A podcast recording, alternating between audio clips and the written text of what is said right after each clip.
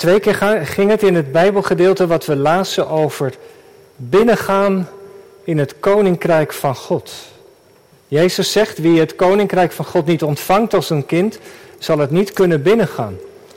En een jongen die naar Jezus toe komt, zegt hij ook, meester, wat moet ik doen om het eeuwige leven te beërven, om dat koninkrijk van u te kunnen binnengaan? En zo ben ik tot het thema voor de preek van morgen gekomen, Gods nieuwe wereld. Jezus en wij.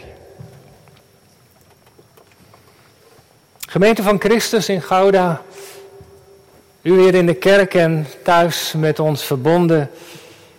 Als er één ding is wat de oorlog in Oekraïne opnieuw weer heeft duidelijk gemaakt, dan is het dit denk ik, hoe kostbaar vrijheid is. Dat is waar wij mensen denk ik allemaal diep naar verlangen. Dat je in een land kunt leven waar er geen oorlog is, waar je zonder problemen naar school kunt gaan, kunt studeren, naar het werk kunt gaan. Waar het goed is om te leven, zonder dreiging, waar je je kinderen gewoon kunt opvoeden, in alle vrijheid naar school kunt laten gaan. Waar je niet bang hoeft te zijn om je mening te uiten. Een plek waar het kwaad geen ruimte krijgt zonder dictators. Waar je niet meer gepest wordt, waar je samen kunt komen met je vrienden om te chillen.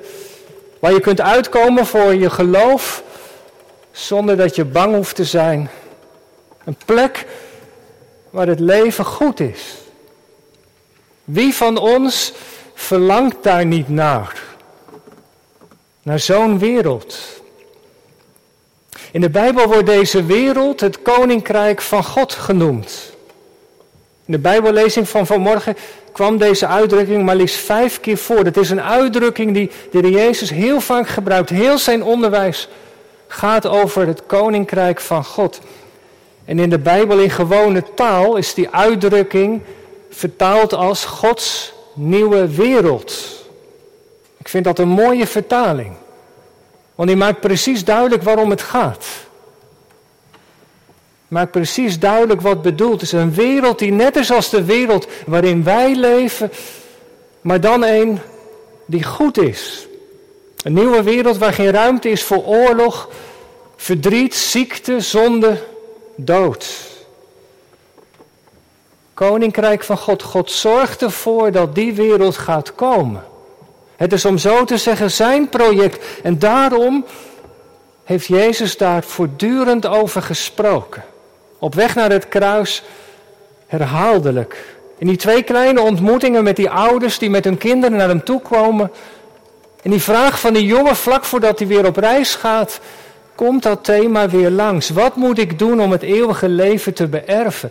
Twee keer gaat het over Gods nieuwe wereld. Hoe ziet die eruit?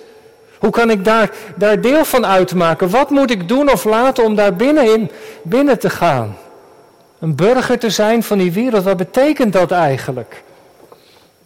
Nou, dat zijn vragen waar de Joden van die tijd mee bezig waren. En dat blijkt uit de vraag van die man die naar Jezus toesnelt. Wat moet ik doen om het eeuwige leven te beërven?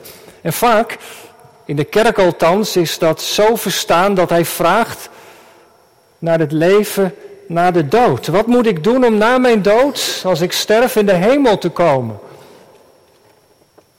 De troost van het evangelie is dat wie in Jezus gelooft, dat het met de dood niet ophoudt. Er is nog een leven na de dood. Maar dat is niet het punt van de jongen. Hij vraagt niet naar de hemel, maar hij vraagt naar het leven in de eeuw die komt. En het antwoord van Jezus blijkt dat het gaat over het koninkrijk van God, over Gods nieuwe wereld. Wat moet ik doen, vraagt die man, om daar ook bij te horen? Bij u en bij uw nieuwe wereld. En dat hij die vraag stelt, dat hij naar Jezus toesnelt, blijkt dat het voor hem levensvraag is. Wij zouden zeggen een existentiële vraag. En om die vraag wat meer te kunnen begrijpen, moeten we even iets weten over de achtergrond. Hoe keek men in die tijd aan tegen de huidige wereld en de toekomstige wereld?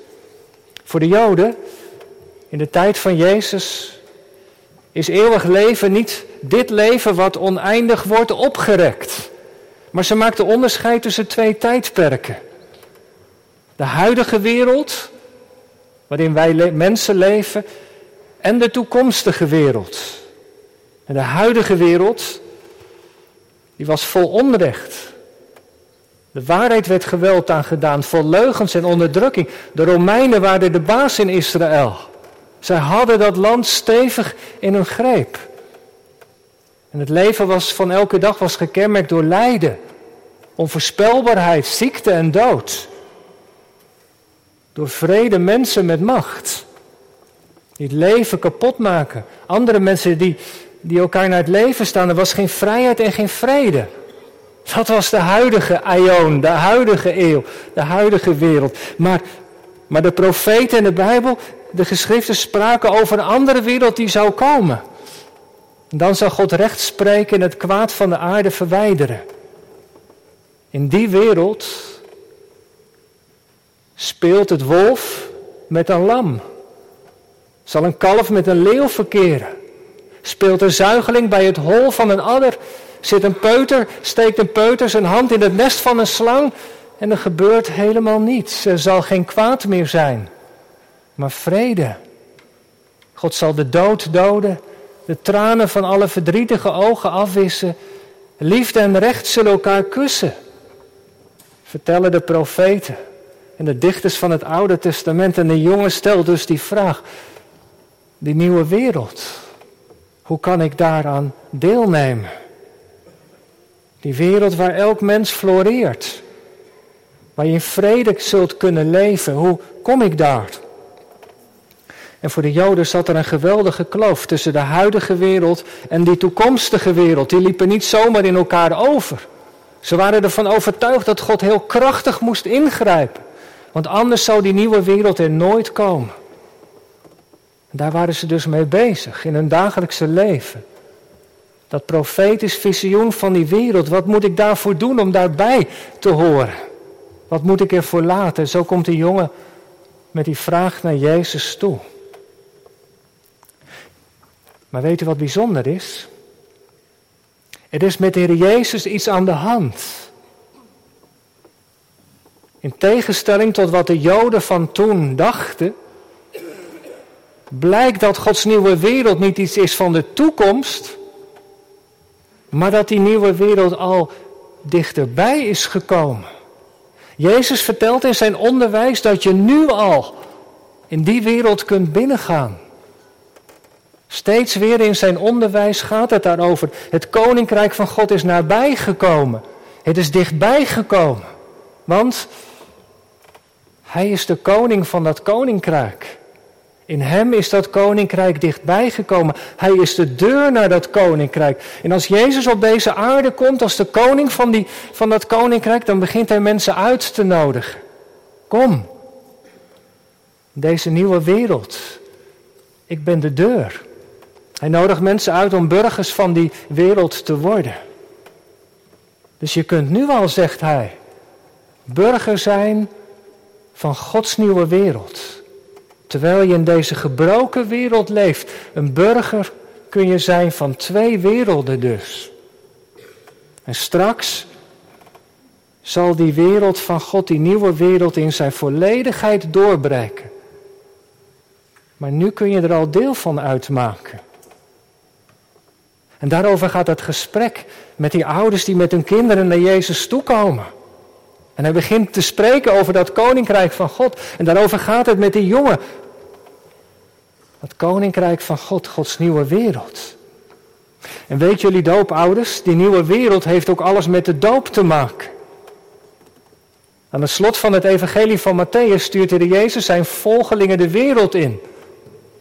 Hij is opgestaan en komt als de koning van het koninkrijk naar zijn volgelingen toe. Hij stuurt ze de wereld in om het goede nieuws bekend te maken en mensen te dopen. Volgelingen te maken van Jezus en hen te dopen.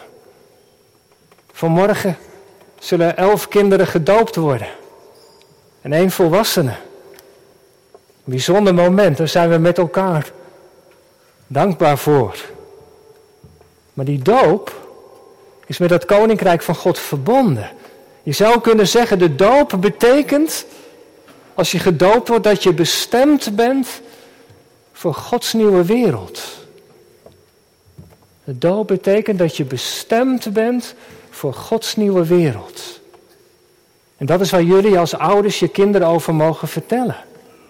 In de opvoeding, bij het lezen uit de Bijbel, dat je hen vertelt over de koning en het koninkrijk, over Jezus en Gods nieuwe wereld. Daar zijn ze voor bestemd. God wil een vader zijn van een groot gezin. Hij zoekt mensen, mannen en vrouwen, jongens en meisjes. Hij zoekt jou, u en mij. Mensen die ook bij die nieuwe wereld willen horen. En weet u, over een paar weken is het Palmpasen, 10 april. Dan hebben we als gemeente beleidenisdienst. Tien jonge mensen uit de gemeente zullen dan een ja-woord geven. Ja zeggen tegen de Heer Jezus. Ze zullen antwoorden dat ze ook bij Gods nieuwe wereld willen horen.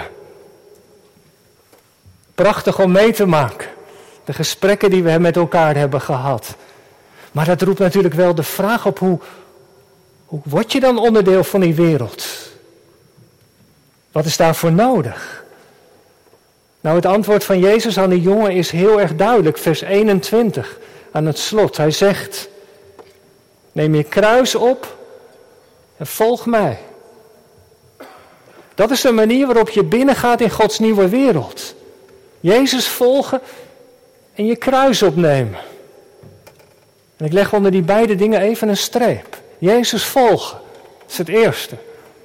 Dat is de roep die in het evangelie telkens weer klinkt. Waar Jezus ook is, kom, volg mij. Je gaat Gods nieuwe wereld binnen door Jezus te volgen. Door je op Hem te oriënteren. Op wat Hij heeft gezegd. Op wat Hij heeft gedaan. Volgen is dat je door Hem laat gezeggen. De dingen die Hij belangrijk vindt, dat je die ook belangrijk gaat vinden. Je steeds weer afvragen in welke situatie je ook bevindt. Wat zou Jezus vinden? Wat zou Hij doen? Wat wilt Hij? Wat wil Hij dat ik doe? Als er vluchtelingen zijn die hulp nodig hebben in Gouda. Als er een andere vraag op je afkomt, of in die vergadering, of in dat lastige conflict, wat zou Jezus zeggen? Wat zou Hij van mij verlangen? Steeds weer die oriëntatie op Hem. En om te weten wat Hij belangrijk vindt, lezen we de Bijbel. In de kerk en thuis. Je volgt Jezus door Hem dus te gehoorzamen. Als Hij je op pad stuurt. Om iets voor een ander te doen. Je volgt Jezus door je te bekeren van wat niet goed is in je leven.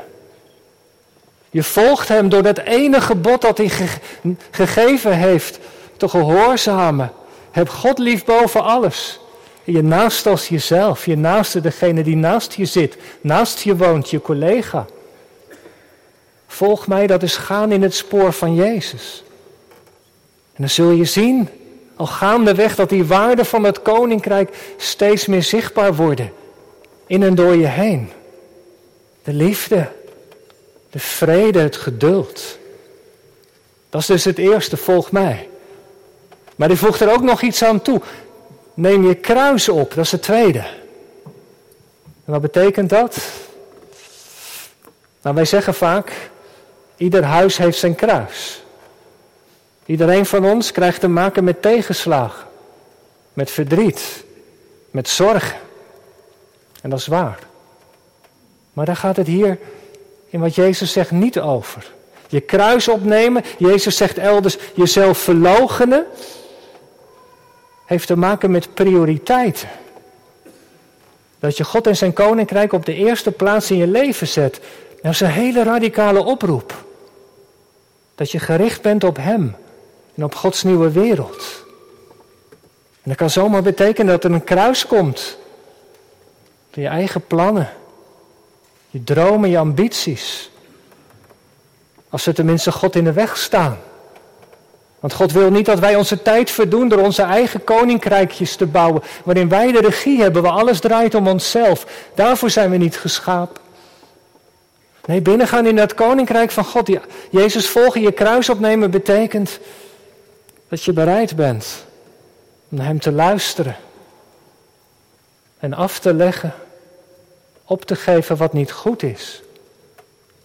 Omdat er iets is wat meer van waarde is, wat belangrijker is. Iets waardoor je bent gegrepen. En dat is de vraag die Jezus als het ware aan de jongen stelt. Ben je bereid om op te geven wat voor jou belangrijk is? Om te gaan doen wat God belangrijk vindt? Wil je door de waarde van Gods nieuwe wereld laten leiden? Die vraag van Jezus die schuurt. En dat zie je ook bij de jongen. Hij vraagt wat moet ik doen? En gaat Jezus noemt de geboden. Hij noemt de geboden van de tweede tafel. Die gaan over de liefde tot de naaste. De eerste tafel gaat over de liefde tot God. Houd de geboden, zegt Jezus. Ja, maar zegt hij, dat heb ik al van jongst af aan gedaan. Als gelovige Jood is hij opgevoed. Maar dan gaat Jezus nog een stapje verder. Verkoop dan alles wat je hebt. Kom en volg mij. Dat is een hele radicale oproep. In de geschiedenis van de kerk is dat soms zo verstaan door mensen dat ze inderdaad alles moesten verkopen en in armoede moesten gaan leven. Het kan zijn dat God je daartoe roept, maar dat is niet het punt hier. Het is geen algemene oproep, maar het is tegen de jongen gericht, want daar staat nou precies in zijn leven de pijn. Dat was zijn zwakke plek waar Jezus de vinger op legt. Want hij blijkt rijk te zijn hoeveel hij heeft.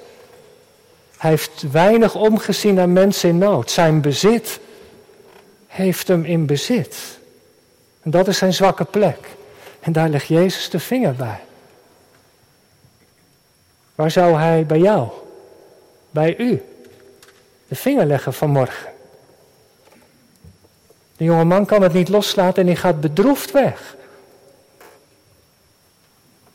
de oproep om Jezus te volgen komt tot ons allemaal.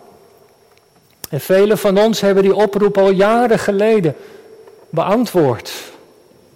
En zijn de Heer Jezus gaan volgen met vallen en opstaan. Toch?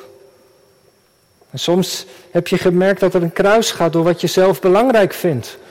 Door hoe je zou van nature zou reageren, wat je van nature zou doen. Je merkt hoe het volgen van Jezus daaraan je leven bijslijpt, verandert, vernieuwt. En dan gaandeweg wordt iets zichtbaar van hoe het leven naar Gods bedoeling eruit ziet. En welke dingen zou jij moeten loslaten? U, om je echt op Jezus te oriënteren. Is dat de droom die je naleeft? Zijn dat je hobby's? Je reislust, je sport? Is het Netflix? Je trots? Ja, misschien iets anders. Maar als het in de weg staat, zet er dan een kruis door. Want anders kun je Jezus niet volgen en dan kan je die nieuwe wereld niet binnengaan. Maar waarom zou je dat dan doen? Alles opgeven en Jezus volgen? Natuurlijk, omdat er heel veel in deze wereld verandert. Als wij als gelovigen gaan leven naar de waarde van Gods nieuwe wereld. Als de Jezus de koning is in je leven, dan werkt dat uit. kleine dingetjes, met vallen en opstaan, maar toch wordt iets zichtbaar van die nieuwe wereld. Zeker. Maar weet u, er is een dieper antwoord. Waarom zou je het doen? Even terug naar die ontmoeting van Jezus met die jongen. Dat is het laatste wat ik nog wil zeggen. Wat lezen we over Jezus? Vers 26. Die jongen komt naar hem toe met die vraag. En Jezus kijkt hem aan en hij heeft hem lief. Wat doet Jezus met de ouders die met hun kinderen komen? De discipelen zeggen, meester, u heeft belangrijke dingen te doen, maar hij ruimt in zijn agenda. Hij pakt die kinderen, hij omarmt ze en zegent ze. Dat is Jezus ten voeten uit. Hij is vol liefde. En het is de liefde van Jezus die mensen trekt. In Jezus komt de liefde van God naar ons toe op een ongekende manier. En dat hij het echt meent, voor jou, voor mij, dat zien we. Omdat hij de weg is gegaan naar het kruis. Daar zal hij straks sterven, daar doet hij verzoening. Voor de zonde van ons mensen. Daar ruimt Hij op wat tussen God en ons in de weg staat. Hij maakt het goed tussen God en ons. Maar alles begint bij de blik in zijn oog. Jezus kijkt de jongen aan. En hij heeft hem lief. En vanmorgen kijkt hij ons allemaal aan met diezelfde blik. Met diezelfde liefdevolle blik als toen. Zoals je hier zit. Zoals je thuis verbonden bent. Jezus kijkt ons aan en heeft ons lief. Onvoorstelbaar. En hij reikt ons de hand. Kom, volg mij. Amen.